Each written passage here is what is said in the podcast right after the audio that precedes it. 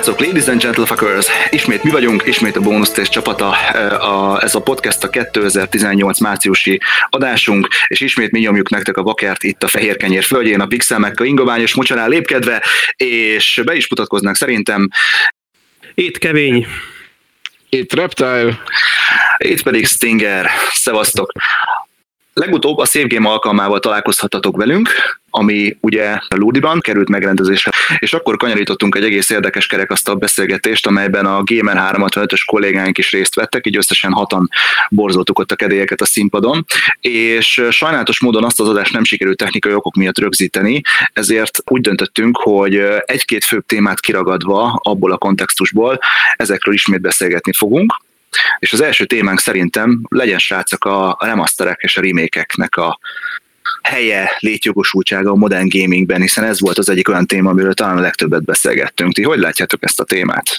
Van-e létjogosultsága a remastereknek, meg a remékeknek manapság, illetve hogyha igen, akkor, akkor milyen formában várják ezt leginkább a gamerek? Mit gondoltok? Ha van létjogosultsága, ha nincsen, azért vannak remasztik és remékek és igazából kétféleképpen reagálnak a játékosok rá. Kétféle frázis van, ami így elhangzik általában a remasterekkel, remékekkel kapcsolatban. Az egyik az, hogy, hogy na végre bepótolhatjuk, a másik pedig az, hogy jaj, nem már megint lehúznak. Remasterek, remékek azért vannak, mert van rájuk igény, és amíg a, a játékosok megveszik ezeket a kiadásokat, addig lesz is. A kiadóknak ez egy tök jó lehetőség arra, hogy feltöltsék a, a két nagyobb megjelenés között a gépeket tartalommal, és a kis pénztárcájukba csorgathassanak egy kis pénzt. A játékosoknak pedig lehetőségük van arra, hogy, hogy újra játszák, vagy esetleg, hogyha kimaradt, akkor bepótolhassák ezeket a címeket.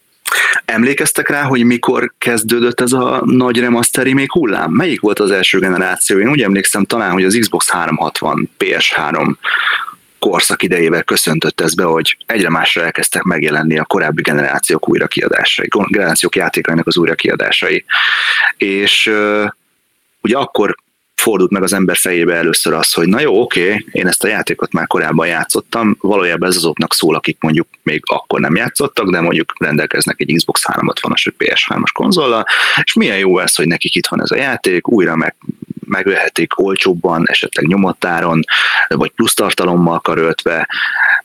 Csak aztán volt egy olyan periódus, és ez talán még az Xbox One PS4 premierje utáni időszak volt, amikor ezekre a gépekre egyszerűen nem volt akkora mennyiségű játék, vagy olyan széles spektrumú játékfelhozata, amiből azt mondtam volna, hogy nyugodt szívvel tudok választani 4-5-6 olyan új címet, amivel addig korábban nem találkoztam. És tényleg itt van az a pont, amikor, amit te is említettél, hogy a kiadóknak ez gyakorlatilag egy talált pénz, hiszen egy nagyon-nagyon kevés, relatíve kevés energiabefektetéssel, de aztán majd itt van Repti, aki ezt megcáfolja, hogy azért itt is nagyon szép munkát bele lehet tenni egy, egy masterbe vagy évekbe.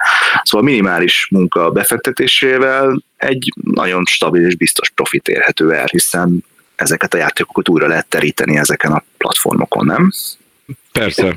Alapvetően mondjuk én ketté venném a, tehát a remaster meg a remake az nagyon nem ugyanaz, de nagyon-nagyon nem. Tehát ugye a, a remake azok mondjuk jellegzetesen legutóbb a Shadow of the Colossus volt, ugye, aminek a remake készült, tehát szó szerint fogták, és ugyan, ugyanaz a játék, de mondhatni, hogy gyakorlatilag a nulla, majdnem a nulláról újraírták, újrahúzták PS4-re, teljesen az asszeteket újra készítették, tehát a grafikákat megcsinálták az a 3D modelleket, tehát egy új játékot csináltak, csak tudták, hogy mit csinálnak, mert már létezett ez a játék. Ez nyilván nagy munka, tehát nagyon nagy munka. Ezt nem venném egy kalap alá mondjuk egy remaster Egyébként a remaster gyakorlatilag manapság a portokat hívjuk remasternek. Csak annyi, hogy mivel általában az előző generációról húzzák át a mostanira, ezért nem hagyhatják úgy, ahogy van, tehát egy kicsit föl kell javítgatni, és ezért találták ki ezt a remaster nevet, de gyakorlatilag portolják az újabb generációkra is. Ugye ez igazából azért van, mert a konzolokon nem nagyon van visszafele kompatibilitás, vagyis ahol van, ott meg elég szelektív, mondjuk az Xbox One-on, ugye. Tehát, hogy így most már elég szép nagy library van, ami, ami visszafele kompatibilis, és ez mondjuk személy szerint, szerintem tök jó, de azért nem minden az. Ezért mondjuk úgy, hogy a generáció elején egy kicsit ilyen kényszerszerűen is mentek ezek a remasterek, hiszen, hiszen ezek még valid játékok voltak, de azért jó lett volna, hogyha már az új platformon futnak egy kicsit jobban, egy kicsit szebben. Tehát kicsit olyan, mint amikor az ember vesz egy új PC-t, és akkor előveszi a régi játékait, és föltolja ugye a grafikát, föltolja a részletességet, meg a felmontást, és akkor játszik vele. Na ez itt ugyanaz, csak ezt el is adják még egyszer.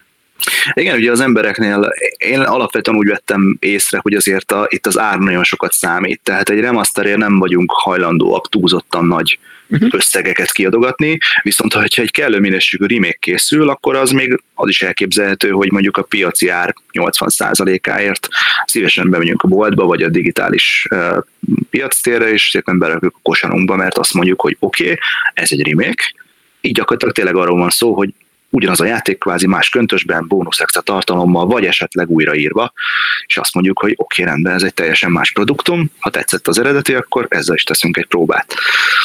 Tehát itt a, szerintem amire figyelni kell, az főként az ár, és itt sokan, ettől sok kiadó eléggé eltéved ezzel. Bár az utóbbi időben azért annyira ez már nem jellemző, szerintem.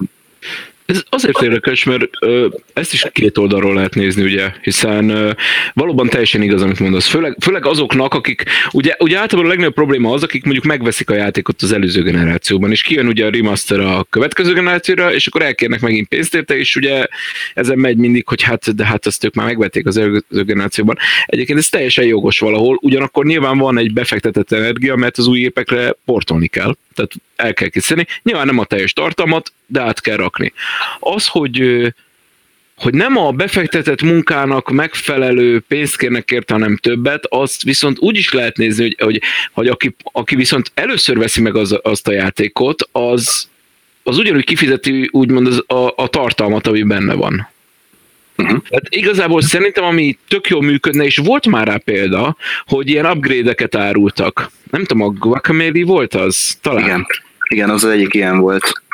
Na, ez, ez például szerintem egy, egy, egy tök jó tehát ez egy nagyon tisztességes dolog. Ugye vannak PC-n aránylag gyakran előfordul, hogy a remastert azt odaadják ingyen, annak, akinek megvan a régi, főleg Steam-en ez előfordul. Az, hogy mondjuk teljes árat kérnek egy remasterért, hát az már lehet, hogy tényleg egy kicsit eltévedés. Hát maximum ilyen kombópakba. Ha jól emlékszem, az első remaster a, a God of War 1-2 HD Edition volt PS 3-ra, hm. ha jól rémlik. Így, így az első nagyobb még visszamentünk, a, visszamentünk egy kicsit az időbe, vagy, vagy pedig így kombinálva rakják össze, tehát ezt akartam csak mondani, hogy ha több játékot adnak teljes áron, akkor így azt érezheti a user, hogy oké, okay, régi játékok, de mégis kaptam egy pakkot, és így megéri. Amúgy maga, maga a, a dolog onnan jön, hogy, hogy az emberek szeretnek visszamenni az időbe, szeretnek retrózni, hogyha valamit szeretnének pótolni, akkor az eBay-re mennek, az eBay-en pedig, amit vásárolnak, abból a kiadók nem látnak egy fillért sem. Ez használt játék, ugye, és nyilván a kiadónak elemi érdeke az, hogy, hogy, hogy megoldja ezt legálisan, hogy, hogy tudja a kurrens platformján játszani a gamer azt a játékot, és akkor abból lesz neki pénze, ezért ez a maguknak a, a remasternek a, az alapvető létjogosultsága, illetve hát maga a célja. Egyébként ehhez kapcsolódó érdekesség amúgy, hogyha már említetted az első remastert, akkor az első remake egyike például 1975-ből származik. Jú. Bizonyám, ez a Taitonak volt egy Western Gun nevezetű játék, amit aztán a Midway lekoppintott egy Gunfight címmel, és igazából annyi volt, hogy az eredeti ilyen egyedi mikroprocesszorokat nem nagyon tartalmazó áramköröket lecserélték mikroprocesszorokra, ezért ilyen finomabb animációt és kicsit szebb látványt, mert nyilván az akkori szemlélethez képest szebb látványt voltak képesek elérni. És 1970-ben elkezdődött ez a... Nagyon komoly. Még ez a rim- manapság vannak a remasterek. Rim, ezek, a, ezek a remake vagy remaster láz, úgyhogy ez is egy érdekes szelete a videójátékiparnak. Na de az is érdekes szelete lehet, ami a következő témánk, ugye amikor volt az a ominózus bónusz stage kerekasztal beszélgetés, éppen előtte nap jött ki a Nintendo-nak a Labo trélerje. Bocsánat, a, nem a Labo, hanem a Toy-Con Garage nevezetű uh, terméknek a trélerje, ami hát elég érdekes aspektusból közelíti meg itt a mét és a kísérletező kedveket. Kevin, te voltál a nagy szószólója ennek. Mesélnél pár szót erről, hogy azóta, hogy látod, mert azóta jött ki azóta újabb videó ebből a... Jött, jött, jött. Uh-huh. Igazából az előző podcastünkben éppen ezt sérelmeztétek, hogy nem elég kreatív maga a labó mert hogy ugye én a Legóhoz komparáltam, és ti pedig mondtátok, hogy a Lego az egy kreatív valami, ez pedig nem, és ez pont a kreativitását bányásza elő ebből, a, ebből az egész koncepcióból, ugyanis, amint láttuk, ez egy, egyfajta programozás, alapozás, a, ami bele van rejtve ebbe a kis csomagba, igen, szóval, hogy Kevin is mondta, én voltam az, aki telesírta az előző adást, mint a Chest of Sorrow a Galleont, azzal, hogy miért nem elég mm, kreatív a Toykon, tehát egy kicsit olyan, mint hogyha nagyon fi, túl fiatalokra lenne célozva, és hát ugye most megkaptuk helyette ezt a, ezt a Toykon Garage nevű dolgot, ami tulajdonképpen egy, én, én, én rámondom, hogy egy programozási nyelv, vagy egy script nyelv, csak éppen vizuális. Ez azt jelenti, hogy vannak a, van egy toolbox, vannak eszközeink benne, ebbe beletartoznak például a perifériák, tehát mondjuk a Joy-Con, vagy akár úgy is mondhatnám, hogy egy Joy-Connak a motorjai, vagy a Joy-Connak a kamerája, stb. Tehát mint, egy, mint ahogy a, a számítógépeknek periféria a billentyűzet, meg a, meg a controller, Ugyanakkor vannak különböző ilyen kis döntési blokkjaink is, mint egy programozási nyelvben, tehát ha ez történik, akkor ez, tört, ez legyen, különben az legyen, és ezeket össze lehet kötöketni egymással, mint egy ilyen, mint egy szabás minta gyakorlatilag, és ez nagyon-nagyon nagyon vizuális, ami nagyon jó, mert a gyerekek így sokkal könnyebben átlátják az összefüggéseit. És így nagyon könnyen meg lehet tanulni a programozást, úgyhogy abszolút földig hajolok a Nintendo előtt, hogy végre, végre kijöttek azzal, amire igazán vártunk a, ezzel kapcsolatban. Abszolút, abszolút. Én is így gondolom, tehát beszélgettünk is róla, hogy ez tényleg egy olyan lépés, amivel ezt a korábban ugye belebegtetett labót tényleg kreatívá lehet egy kicsit tenni, és mondjuk nem a Nintendo találta fel a spanyol viaszt ezzel kapcsolatban, viszont ők nagyon jók abban, hogy a már meglévő portfóliójukat és termékcsaládjukat más irányba is el tudják ezzel vinni. Hiszen önmagában a labó sok ember számára érdekes és izgalmas dolog lesz, főleg a fiatalabb generáció számára, de akik kicsit többet szeretnének belenátni, akkor annak itt van egy ilyen Unified platform, ami majd, hogy nem talán mondhatnám azt, hogy hasonló, mint ugye a, a, a Legónak is van ilyen intelligens platformja, amivel ugye a Lego kockákba épített szenzorokat lehet ilyen relatíve leegyszerűsített script nyelven programozni, tényleg ilyen alapbézi dolgokat, hogy mit tudom én, hogyha az autó elér egy függőleges falig, akkor merre fordítsa a kereket, és ha az elmegy 20 20 fordul, akkor utána mit csinálja. Tehát ilyen nagyon egyszerű skriptelt nyelveket, skriptelt kócsor alapján lehet ilyen viszonylag látványos érdekes dolgokat csinálni, de hát ugye korábban is volt már ilyen, amit tanulásra használtak a gyerekeknél, ez volt a logó, vagy logó, nem is tudom pontosan, egy kis teknős béka volt az ikonja, vagy a minta, és ott is tényleg ilyen nagyon-nagyon alapszintű, nagyon egyszerű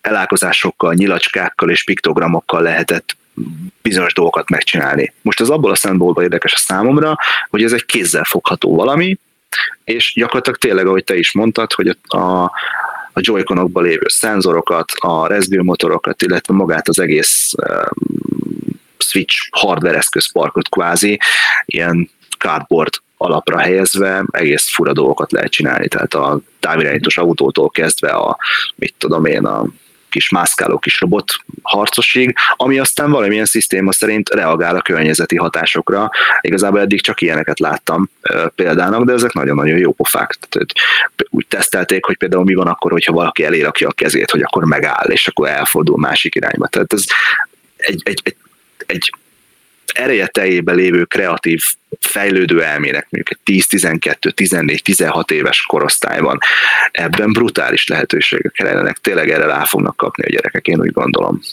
Ha megtalálják persze vele a megfelelő közeget, és relatíve elérhető ára nyújtják ezt majd mindenkinek. Úgyhogy hajrá Nintendo, az egy nagyon-nagyon jó dolog. Részemről csak ennyi ez a témához. Én szerintem ez azért is tök jó dolog, mert én úgy veszem észre, bár nem tudom, hogy ez mennyire globális, de lokális szinten egészen biztosan az informatikai szektor az óriási munkaerő hiányjal küzd. És ha ezt már gyermekkorban el lehet indítani, csak magát a, a, az alapozást egy ilyen dologgal, akkor az óriási lehetőség, és szerintem tök jó, hogyha, hogyha erre, erre odafigyelünk. Ez azért is lehet jó, azért is lehet jó szerintem, mert ugye emlékeztek rá, hogy ugye a, a Raspberry Pi Málna PC-ket eredetileg ugye a brit kormány azzal a azzal a szándékkal hozta létre, hogy ugye az általános iskolások körében népszerűsítse a programozást. Ugye, az első, ugye itt nem kell erőforrás igényes PC-kre, meg számítógépekre gondolni, csak kellett nekik egy, egy olyan unified platform, amiben nagyon-nagyon könnyen lehet a gyerekeket alapszintű programozás technikai dolgokra meg, megvalósítani. Az persze már egy hozomány, hogy aztán ebből mindenféle egyéb ilyen, ilyen do-it-yourself jellegű projektek melegágya lett, de az eredeti terv az az volt tényleg, hogy itt mindenféle szenzorokat, meg jelérzékelőket, meg ilyesmiket ráaggatva egy Raspberry Pi-ra a gyerekeknek megtanítsák azt, hogy hogyan kell mondjuk nagyon-nagyon egyszerű ilyen magas szintű programálási nyelvek leegyszerűsített változataival bizonyos dolgokat elérni. A Nintendo szerintem ebből a szempontból azért jobb, mert ez játékos formába helyez az egészet kvázi, tehát itt nem fogsz linux shell találkozni,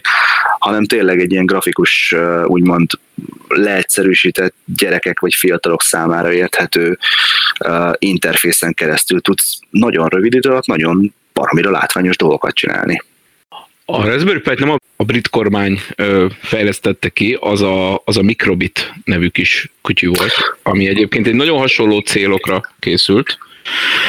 Azon is rengeteg, azon is egy csomófajta szenzor, kijelző, stb. egy ilyen nagyon picike kis kütyű, amit egyébként ingyen adtak minden ilyen fiatal iskolába járó gyereknek.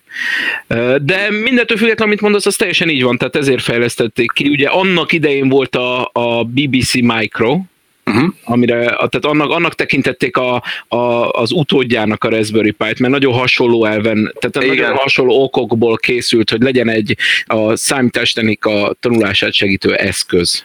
Így van, így van, tehát nem a brit kormány volt, ő csak valamilyen szinten támogatta ezt a kezdeményezést. Egyébként ez egy, ez egy charity volt gyakorlatilag, aki ezt a, tehát ez egy, ez egy szervezet, aki ezt az egészet próbálta népszerűsíteni. De az eredmény szempontjából igazából ez talán mindegy is. A lényeg az tényleg, hogy most már nem egy, hanem, hanem számos olyan lehetőség létezik, hogy tényleg itt a gyerekeket próbálják arra rávenni, hogy valami kreatívat alkossanak a digitális alapanyagból. Úgyhogy hajrá! Hajrá Nintendo! Hajrá Nintendo!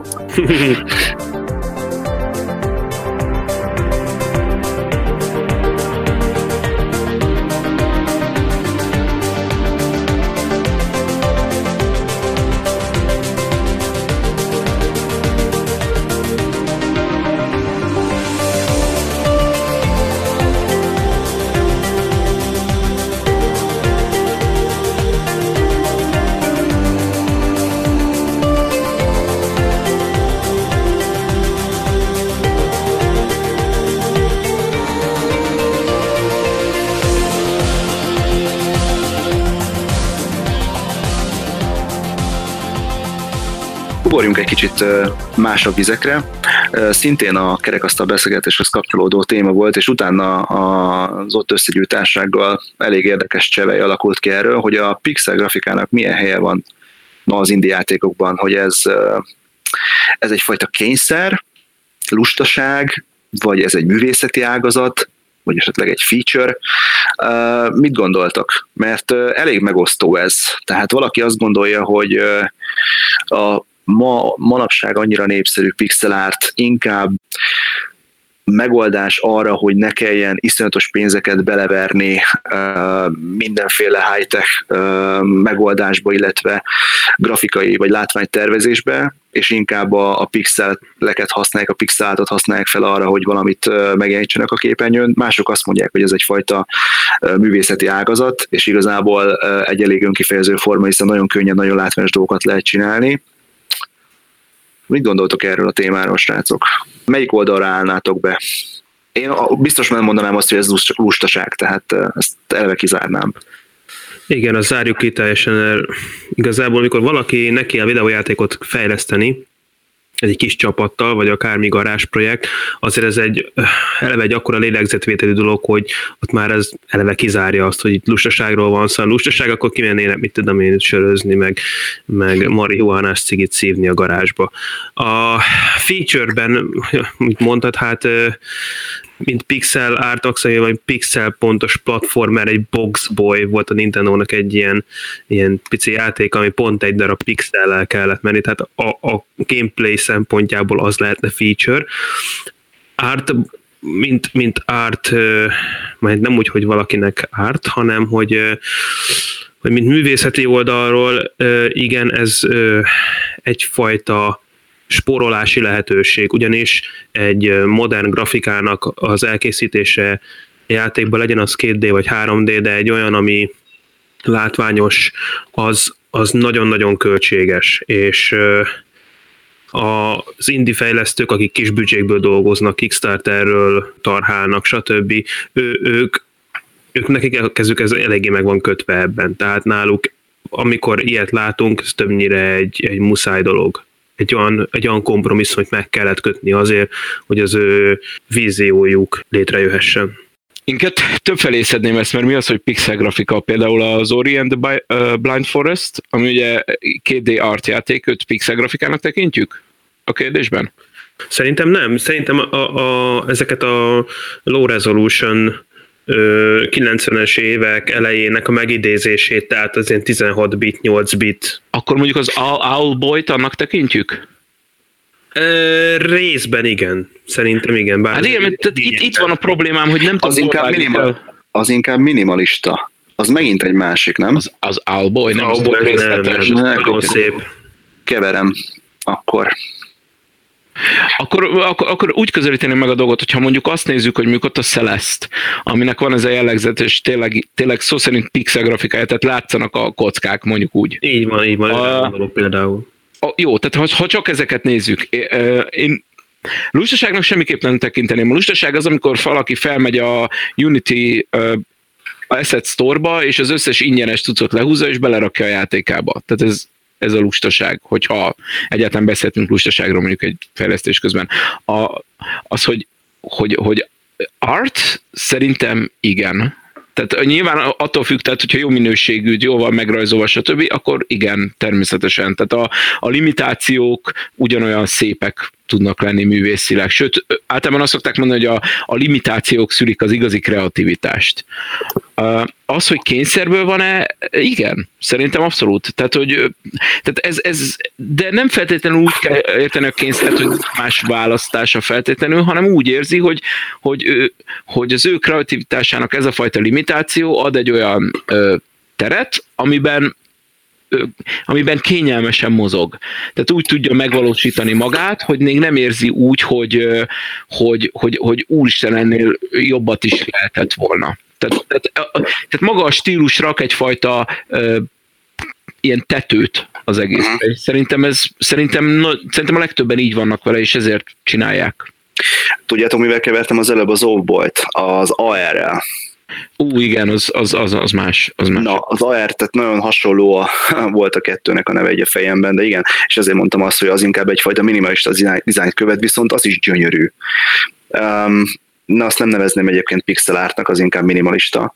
Um, én úgy vélekedem erről az egészről, hogy nekem van egyfajta ilyen uh, uh, retroisztikus bája ennek az egésznek, kicsit visszatekintve a régmúltra, és nagyon becsülöm és tisztelem azokat az embereket, akik ezt a fajta művészeti ágazatot választják, most attól függetlenül, hogy most kis stúdió és mondjuk kis ö, költségvetésből nem tudják nyilván megfinanszírozni azokat az ártokat, túlokat, amikre szükségük lenne ahhoz, hogy ők mai modern uh, látványvilágú játékot készítsenek, uh, hanem az, hogy olyan elképesztő indie developerek vannak, akikkel mondjuk személyesen találkoztam például a Gamescom-on, akik szinte csodát művelnek ezzel a műfajjal. Tehát elképesztően látványos, hangulatos játékokat lehet így is készíteni, és gyakorlatilag ez megint egyfajta lehetőség arra, hogy oké, okay, rendben, egy irány az árt, hogy akkor ilyen pixel art stílusban kicsit ilyen alacsonyabb low felbontásban, de modern bevilágításokkal és fényeffektet csinálunk valamit, ugyanakkor a csapat másik fele az meg kreatívkodni tud, hiszen ezzel az egész külcsínen is lehet nagyon kreatív dolgokat létrehozni, és uh, mélységet belevinni ezekbe a játékokba. Hiszen manapság egyre több olyan tesztelendő játékot is kapunk, például mi gameresek is, akik, amik, amik alapvetően indie játékok, és a legtöbbjük gyakorlatilag ezzel a pixel ártal, illetve ez low dolgokkal mahinál, és ettől függetlenül szinte csodák születnek.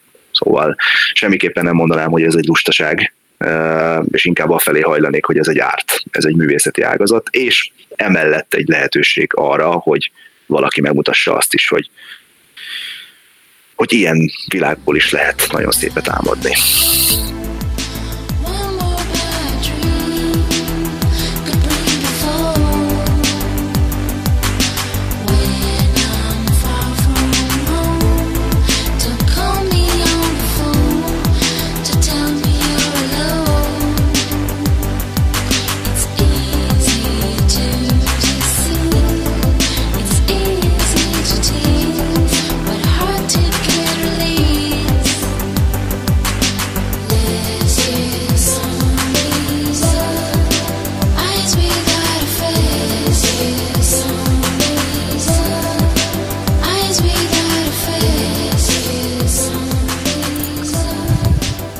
Ugye az elmúlt, elmúlt hétnek, legalábbis amikor rögzítjük ezt az adást, az egyik nagy ilyen ellentmondásos megjelenése volt a Sea of Thieves.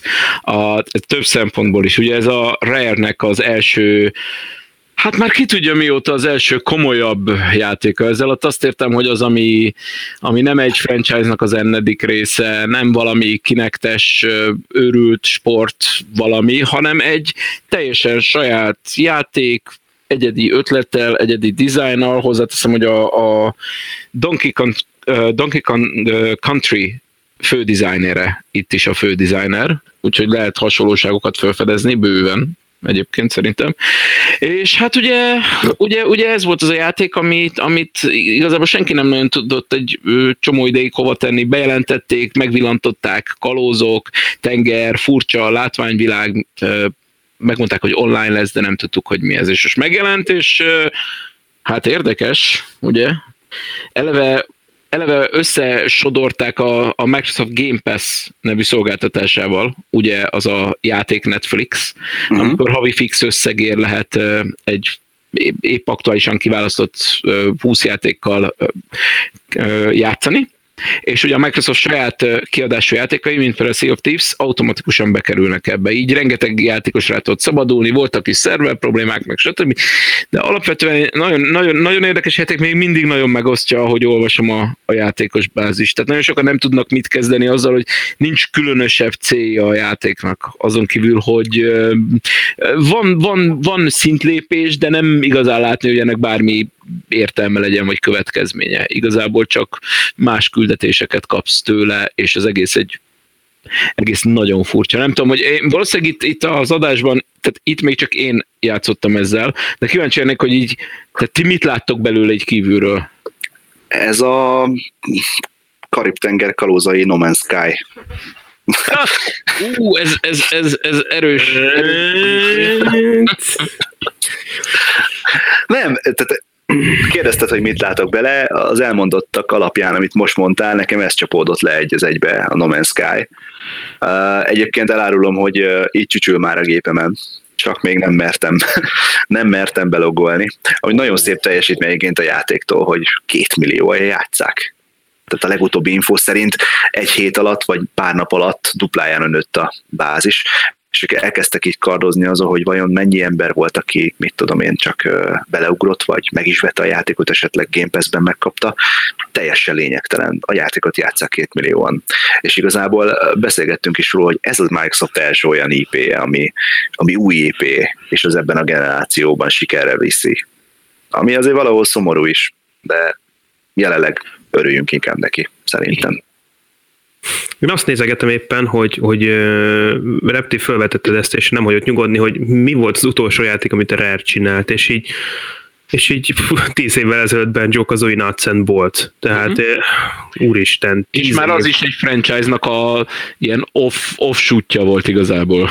Hát eléggé, mert mondjuk a Banjohoz, mint 3D-s Collectatonhoz egy nagyon semmi köze nem volt, tehát ez ilyen, ilyen vehicle építős kis puzzle volt. Nem mindegy is, és az a lényeg, hanem hogy csak 10 arra, év. Arra ők kíváncsiként, igen, hogy mi a büdös bánatért váratták ezt a csapatot ennyi ideig, tehát tudom, hogy nagyon-nagyon, tehát a magasz kicserélődött, ez a rare már nem az a rare, szokták mondani, de azért nagyon sokan még ott vannak, mint hogy te is mondtad, hogy a, a Donkey Kong Country designere is még mindig ott van, ami a Greg Miles. elég szép Rá gondolunk. Igen, igen. El, elég szép lenyomatot hagyott a játékon. Egyébként nekem, ami elsőre lejön a Sea of Thieves-ből, hogy ez egy gyönyörű, csodaszép. Tehát ez az igazi ilyen, ilyen cartoon stylos, de mégis modern. Olyan kicsit ilyen Curse of the Monkey Island érzésem van modern köntösben. Egyébként absz- abszolút, abszolút a játék látványvilága, és nagyon-nagyon ez a nagyon szájtátós, főleg a megfelelő mm. hardware-rel, tehát mondjuk egy mondjuk egy Xbox One Excel, Excel egy HDR képes tévén ez valami egészen döbbenetes néha, tehát tényleg így megállsz a hajón és nézed, és akkor így, úristen. Mm. De maga a játék is, annak, annak szerintem annak érdekes, aki tud úgy ját, tehát először is haverokkal kell játszani. Ugye, ugye egytől négy személy játszhatja, tehát van szóló mód is, de igazából valljuk be, hogy nem arra való. Csomó mm. játékmechanikai dolog miatt nem arra való. Az a lényeg, hogyha van egytől háromig számú barátod, akivel tudsz játszani, és, és olyan típusok vagytok, akik tudják értékelni magát a, tehát hogy mondjam, nem is az, hogy, mit, hogy mi fog történni, hogyha megcsinálod a questet, hanem maga a quest hogy folyik le. Uh-huh. Tehát ugye, hogy szokták mondani, hogy az, az út a lényeg, nem a cél. Tehát ha ez megvan, és ez, erre van hajlandóság, akkor egy baromi szórakoztató, szórakoztató játék. Én Mackóval játszottam elég sokat egyébként, és és mindig úgy volt, hogy a fene már a griefingbe, a fene a többi buta userbe, meg minden, na, holnap toljuk még. És így, és így tényleg, tehát hogy így visszahúz a játék, és akkor belogolsz, akkor ilyen kényelmes így, tehát ilyen, ilyen otthon érzed magad benne. Ugyanez volt, még a Destiny első részén éreztem ugyanezt, de igen. Úgyhogy majd meglát, meglátjuk, hogy mennyi tartalmat tudnak még belerakni, mert valóban vannak ezzel problémák, tehát nagyon-nagyon szémi, nagyon repetitívek a küldetések, aránylag kevés az extra történés az egészben. Tehát van, van három-négy loop, amit hogyha, hogyha megcsinálsz, akkor, akkor kb. láttad, a, hogy mi történik a játékban. Meglátjuk, hogy mennyire tudják fenntartani az érdeklődést ezzel kapcsolatban. Minden esetre erősen kezdett, és ahogy te is mondtad, ráfért már Microsoftra egy, egy, egy siker, ami a játékiparral kapcsolatos. Nekem azt tetszett a legjobban, hogy a, az élményeiket mesélték a felhasználók a fórumokon, hogy uh, milyen le, mi a, mi a gyógyír például. Ja, hát ez, ez nagyon, nagyon, egyébként a másik, amiért nagyon sikeres tud lenni, hogy ilyen borzasztó streamelhető játék, tehát hogy így, így ezt így lehet nézni, egy olyan, mint egy, tényleg mint egy kaland, és hogy így bénáznak ugye az emberek, és nézed, ahogy szerencsétlenkednek, és tök jó, meg néha beglitchel, de néha még a glitchek is egész jó pofák tudnak lenni, meg jön a kraken, meg nem tudom. Uh-huh. Igen, ilyen nagyon ilyen sztorizható játék, abszolút, abszolút. Én, én nekem gondolom lejön azért, ahogy beszélek róla, hogy nekem nagyon tetszik személy uh-huh. szerint, én nagyon szeretem. Totál megértem, ha valakinek nem. Mert Megalak, megalakult egyébként ez a, ez a klán, amit a... beszélgettünk annól? nem. nem. Még, még várat magára még a Száraz, szárazföldi patkányok, vagy, vagy mi volt? A szárazföldi patkány. Már van szárazföldi patkányok ö, ö, szoba, meg klán, de még, csak, de még csak nagyon össze-vissza járunk bele, úgyhogy egyelőre még nem, még nem teljes a, a roster, de, de, de lassan kialakul. Nekem megvan már, mi lesz a klán nevem egyébként. Taknyos varjuk. Ta- Csodálatos. Csatlakozni szeretnék. Taknyos varjuk lesz. Egyrészt azért, mert mostanában betegeskedett a család, másfelől meg ugye a varjuk, hát mindegy. Varjuk, varjuk rá gombot. Varjuk rá gombot, Fuck igen. you, varjú. Ú, na jó. Nézzem itt a kis uh, agendánkat, és valaki bekarcolt ide egy olyat, hogy időszakos exkluzivitás, megérés, ha igen, kinek. Ez melyik, melyik ötök követte? Nem, én voltam. Én voltam, mert a fórumon beszélgettek a srácok a Tomb Raider a legújabb installmentjéről, és ott merült fel ez a téma, hogy kinek éri meg a, az időszakos exkluzivitás. Ugye, hogy a Rise of the Tomb Raider az egy évig időszakosan exkluzív volt, és hogy ki ennek a vesztese, ki ennek a nyertese. De most Hát ke- kettőt lehet találgatni szerintem. Én szerintem, ha valaki nagy rajongója az adott franchise-nak, akkor ő addig, ha nem is akar platformot vásárolni, de kölcsön kér egyet, vagy akármi, és letolja, és ö, utána úgyis megjön a gépére, türel, nem tudom, akarjunk erről beszélni? Hát a maga az exkluzivitás egyébként egy érdekes kérdés, mert, mert úgy általában az exkluzivitás az semmi más, csak reklám. Igen. Tényleg, tényleg semmi más. Mert ugye ma már nem az van, mint régen, hogy mondjuk a, mit tudom én, Super Nintendo-nak olyan chipjét használt a játék, hogy aztán tényleg kb. lehetetlen volt átültetni Mega Drive-ra, vagy ha igen, akkor valami tök más játékot kaptál, hanem most már így bármi mehetne bármint, tehát itt csak arról van szó, hogy És ki, tudj, igen, és tudjátok, hogy ezt mindenki tudja. Tehát oké, jó, nem mindenki, de hogy az aktív játékos közösség, aki, aki utána olvas, aki aktívan, tehát nem a, nem a FIFA Józsira, meg a Kotpistikére gondolok, hanem azokra tényleg, akik, akik legalább olyan szinten benne vannak egy közösségben, hogy beszélgetnek játékokról. Mindenki tudja, hogy ez az időszakos ez egy nagy ló. Az magyarul magunkra szólva. És ezt annak idején ugye a Microsoft találta ki, hogy ez a, az első DLC platform exkluzív, meg hogy ez most egy mit tudom milyen játék, és mindenki tudja, hogy előbb-utóbb úgyis jönni fog. A legjobb példa erre a Ninja Theory-nek a játéka. a Hellblade. Például. Igen. Én, én nem értek egyet veled, szerintem ez teljes, ez egy működő koncepció. Tehát ez, ez Működik a koncepció, tehát nem mondom, hogy nem működik, ez egy működik a koncepció, nyilván tudjuk, hogy mi- mögötte ugye, a, a, a, ugye az indikátor, nyilván az én platformon jelenjen meg a játék, időszakosan ne lehessen másra leérni, hogy ezzel sarkoljam azt, hogy vegyék az én gépemet, vegyék az én hardveremet, ezt a jel. És ugye Mhm. gondolom ebből a szempontból, most az, az, az nem egészen tiszta és nem egészen világos számomra, hogy például ennek a piaci, illetve a pénzügyi vonzata a kiadó és a fejlesztő szempontjából hogyan egy- egyezik meg. Tehát ebből a szempontból mondjuk a Microsoft fizet külön plusz pénzt mondjuk egy kiadónak, esetünkben az Eidosnak, hogy azt a játékot csak az ő platformukra jelentessék meg, kvázi ezzel valamelyes fedezve azt a kiesést, amit akkor szereznének, hogyha multiplatform cím lenne. Persze, természetesen. Persze, hát Aha. kell, kell valami ellenérték, és pont is ez, ez is az a lényege ennek a dolognak, hogy, hogy a, ha jól tudom, a Rise of the Tomb Raidernek egy jelentős részét a fejlesztési költségeknek átvállalta a Microsoft. Az, És- az megint egy másik, igen, amikor belefolyik ugye ilyen fejlesztési developer költségekbe, tehát abból finansz, kvázi finanszírozóvá válik a platform holder. Hát ez nincs nagy különbség a kettő között, az csak annak a kérdés, hogy mikor aktivizálódik a pénz, úgymond. Én csak annak lennék kíváncsi egyébként, hogy ez tényleg mennyit hoz a konyhára. Tehát például egy ilyen Tomb Raider exkluzivitás, mondjuk mennyivel, nyom, mennyivel nyomja meg az Xbox One eladásokat? Mondjuk Szerintem jelenleg. ezt nem fogjuk megtudni. Nem, Csak itt teória szintjén, hogy valóban visszahozza a befektetett pénzt egy exkluzivitás. Mondjuk most például, amikor mondjuk a konzol életciklusának, hát nem tudom, hol járunk, közepe vége fele lassan, tehát megint egy más szisztéma az, amikor mondjuk egy új generációs hardware megjelenik, és mondjuk egy nem egy, nem egy hónap, meg két hónap az exkluzivitás, ugye ilyenre is láttunk példát, hanem tényleg egy év. Egy évig garantáltan nem jön az a játék másra. Mondjuk ez az exkluzivitás szempontjából is azért Xbox-nál kicsit azért nem ugyanaz a helyzet mondjuk egy PlayStation esetében, hiszen a legtöbb esetben nem Xbox exkluzív a játék, hanem Microsoft exkluzív a játék, ami annyit jelent, hogy jön mellette PC-re is például. Kevés kivétel van, amivel nem így történt, nem? Kicsit elvesztettem a fonalat. Igen, én is. Lehet, hogy késő van már. Picit el, elkanyarodtunk Igen, a, el lehet a vonaltól. Én, én úgy gondolom, hogy, hogy developer szempontból, illetve az eredeti kiadó szempontjából ez megéri, ugyanis a kockázatvállalásnak a törjét veszik el a feje fölől. azáltal, hogy finanszírozzák a, a, a kiadásait.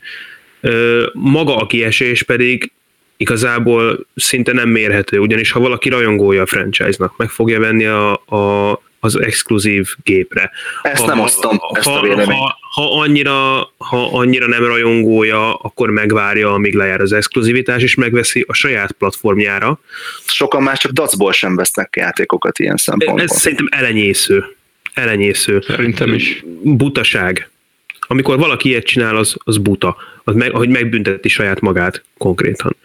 Szóval magának, magának a, a fejlesztőnek szerintem megéri, meg a kiadónak is, a platformholdernek is valahol megéri, mert mégiscsak egy érvet kap a, a vásárló gép mellé, és a játékos pedig, hát ő, mi mindig-mindig mi szívunk, úgyhogy igazából teljesen mindegy, de, de vár egy kicsit, és amúgy is van mivel játszani addig is, majd amikor megjelenik, lejár az exkluzivitás, akkor szépen megveszi, szerintem.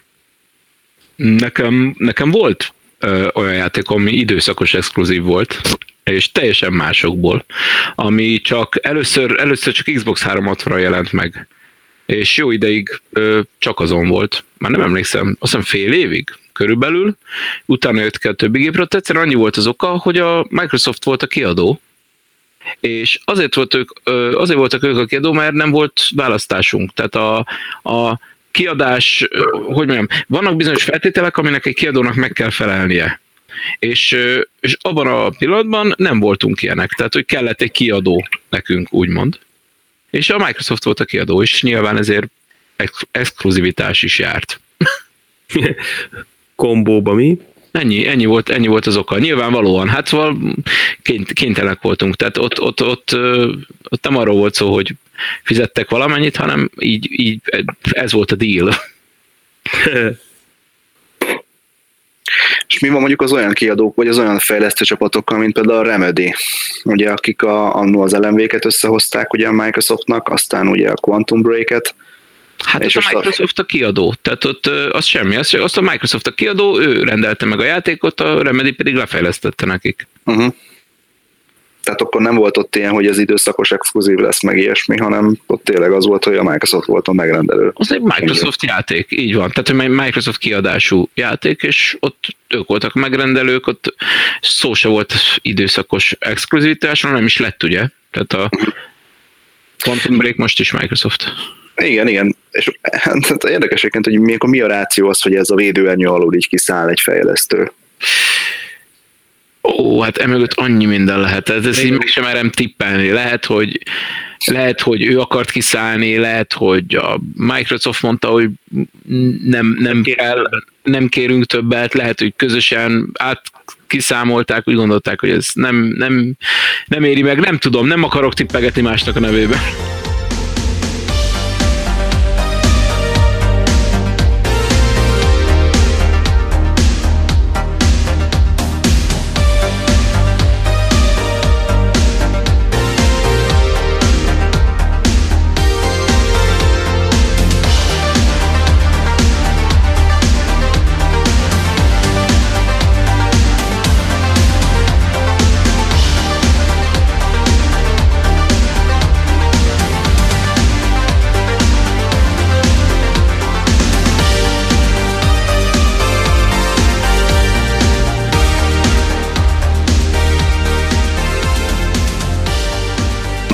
Hónapban. Lesz egy nagyon érdekes megjelenés a retro terén, ez pedig az, amit már elég régóta vártunk, és talán így beharangoztuk a, az előző havi podcastünk alkalmával, lehet, hogy pont én beszéltem róla, ez pedig nem más, mint a, a minden idők legjobb van fogyó, legtöbbet eladott számítógépének, otthoni számítógépének, a Commodore 64-nek a, a, az új revíziója, a C64 Mini, ami a NES Mini és NES Mini nyomdokai lépe gyakorlatilag egy mini, miniaturizált C64-et jelent, és beépített játékokkal érkezik, de az érdekessége az az, hogy bár a billentyűzet az nem használható, de lehet rá csatlakoztatni USB-s egeret, billentyűzetet, kapunk hozzá egy eredeti nek ható Competition Pro joystickot, ami szintén USB-s, és ami a nagy érdekessége a gépnek, hogy külső pendrive-ról az eredeti C64-es lemezkép fájlokat is képes beolvasni. Igaz, egyelőre elég érdekes és elég nyugodnyelős módon, de hát erre hamarosan javulást ígértek a a fejlesztők, és ezt azért mondom, mert a napokban került ki az 8-bit guy-nak a, a talán azt hiszem ő volt az első, aki csinált videó review-t erről a C64 milliről, tehát meg lehetett nézni, hogy hogy néz ki a játék, vagy hogy néz ki a gép, milyen funkcionalitással bír.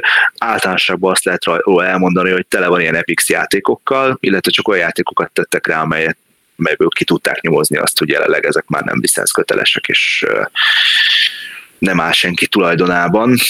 Minek hívják ezeket? Repti Abandonware? Jól emlékszem? De uh, hogy tévedek, vagy az más jelent?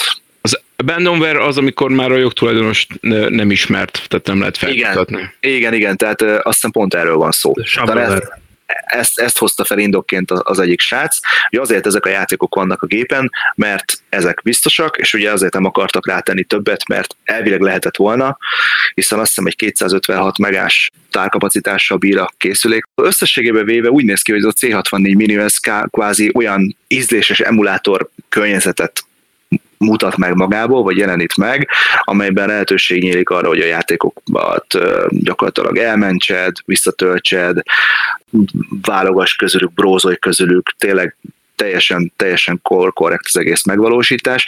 Mondom, az egyetlen kérdés az az, hogy hogyan lesz elérhető. Amennyire én néztem az összes külföldi áruházon, már most out of stock.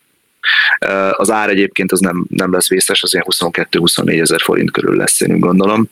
Legalábbis a brit videójátékos áruházakból ennyire lehet rendelni. De nekem nagyon-nagyon tetszett.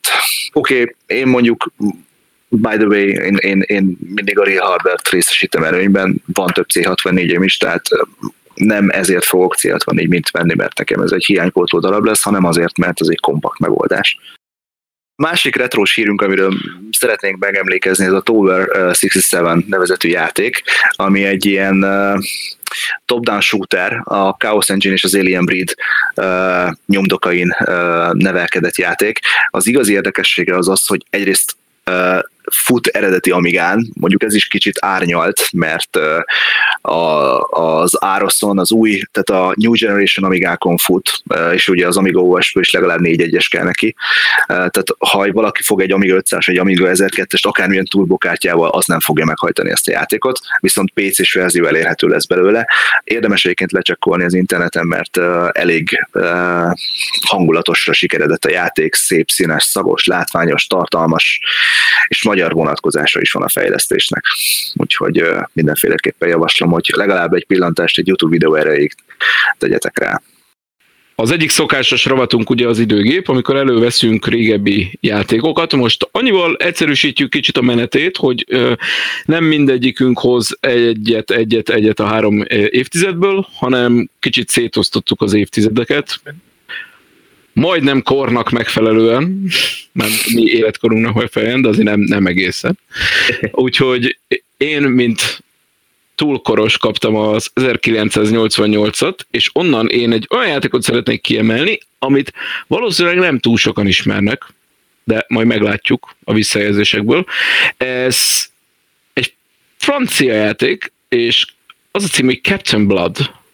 Megjelent az akkori szokásoknak megfelelően mindenféle platformra, és igazából az volt a lényege, hogy egy nagy univerzumban lehetett egy űrhajón pontosan egy űrhajó segítségével ide-oda utazgatni különböző bolygórendszerekre, illetve hát konkrétan bolygókra.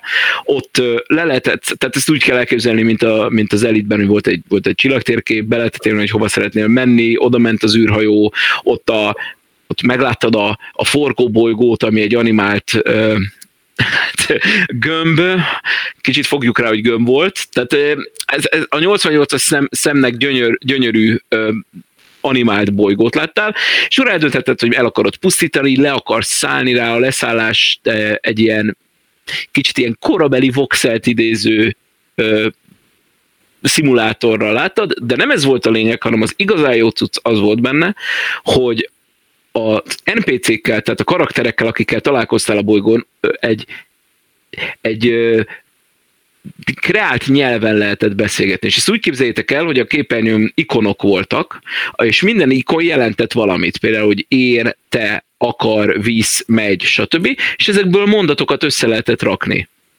És ezt elküldeni ugye a, a, a karakternek, akihez beszélsz. És aztán ő is válaszolt valami hasonlót.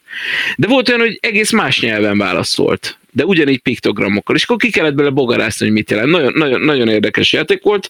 Um, volt egy folytatása egyszer, amit sajnos már nem ismerek, viszont akit ér, ja, és volt az egésznek valami egészen elborult keresztsztória, hogy te egy klónja vagy a, valójában a kapitánynak, és haldokolsz, mert, mert mert, mert rosszul van a klón összerakva, és igazából az a célod, hogy élj, és, és ilyen ö, életfolyadékot kellett begyűjteni a megfelelő kló, a többi klónottól, akit meg kellett találni az univerzumban. Mindegy, aki, aki fogékony a kicsit mm, elvont játékmenetre, illetve a, a, a, a franciás szifikre, annak még mindig melegen ajánlom. Bár nyilvánvalóan a grafika nem öregedett jól, de a játék nagyon érdekes tud lenni. Hát 98-ból egy érdekesség, igazából sose játszottam vele, de mégiscsak így április környékén 98-ban jelent meg a Panzer Dragon szaga, mint a Sega Saturn egyik hattyudala. És a Panzer Dragont, hogyha már hallottad, akkor gondolom így előtted van egy, egy rail shooter, mikor egy sárkányon a lovagoló emberkével lövöldözitek le a félvilágot, és a, ennek ellenére a Panzer Dragon Saga az egy JRPG, sokan a Final Fantasy 7-tel szokták egy lapon emlegetni, ami azért ilyen nana nem kéne, de a különlegessége az, hogy nagyon-nagyon ritka és drága darab, mivel Saturn amúgy sem volt, magában sem volt egy túl sikeres valami, hát még gondoljátok, hogy 98 áprilisában megnézitek az ebay-en 300 font alatt nem találtok belőle példányt, és hát semmilyen másik újrakiadása nem ment még végbe, úgyhogy aki Panzer Dragon szagát szeretne legálisan játszani, annak eléggé mélyen a nadrág zsebébe kell nyúlnia. Egy ideig így nézegettem, hogy hát ha, hát ha, mert kíváncsi volnék rá, de aztán végül letettem róla. Úgyhogy Panzer Dragon Saga lesz az a JRPG, ami, ami nekem nagy valószínűséggel ki fog maradni. De úgy kíváncsi lennék rá. Na hát, és nekem jutott a 2008-as évszám, amelyből én egy igazán izgalmas és uh, ijesztő játékot választottam. Annál is inkább, mert uh, ez hosszú-hosszú évek után az a játék, amiről most szó lesz, volt az első olyan, amely tényleg képes volt megijeszteni és, és elrettenteni egy picikét, és újra visszahozni azt a klasszikus alien faktort, amelyet annyira hiányoltam ugye a, a 2000-es évekből, és ez nem más, mint, nem más, mint a Dead Space, amit Xbox 360-on játszottam először, és arra emlékszem, hogy az első alkalommal a miután ugye elindul a játék, megérkeztek a, a Isaac megérkezik ugye a, a USG Simurára, és ugye elmegy először a lifttel lefelé, és ugye elmegy a fény, és onnantól fogva egy ilyen tömény, sikoltozós, ordítozós álmafutás az egész játék. Akkor és abban a pillanatban ez olyan revolucionális volt számomra, hogy azt mondtam, hogy korábban én ennyire még nem rosáltam be videójátéktól, még az ominózus Resident Evil 2 rendőrkapitánysági jelenetese volt ennyire ijesztő számomra, biztos emlékeztek rá, amikor a, bementek Chris, nem Chris, a Leon, Leonnal bementek ugye a rendőrkapitányságra, és ott elfuttok az egyik sarkon, ahol be vannak deszkázva az ablakok és ugye amikor futtok visszafelé, akkor ugye a zombik így hirtelen rácsapnak az ongorára, és mármint az, a zene, és akkor a zombik megint megpróbáltak elkapni. Ott volt olyan pillanat, hogy barátaim így leestek a székről, meg ilyenek. De nálam ez a, nálam ez a Dead Space-nél következett be, hát az játék egyszerűen annyira jól nézett ki, és annyira jól alkalmazta ezt a nyomasztó, ijesztő, egyedül vagyok, és tényleg bármi megtörténhet ezen az űrhajón feelinget, mint semmi más. Persze a játéknak voltak egyéb érdekességei, mint például az, hogy a heads-up display az nem a klasszikus uh, vizoros megoldás volt, vagy a, vagy a, a sima statértékek látszottak a képernyőn, hanem a Isaac mint egy ilyen holografikus heads-up display vetített is saját maga elé.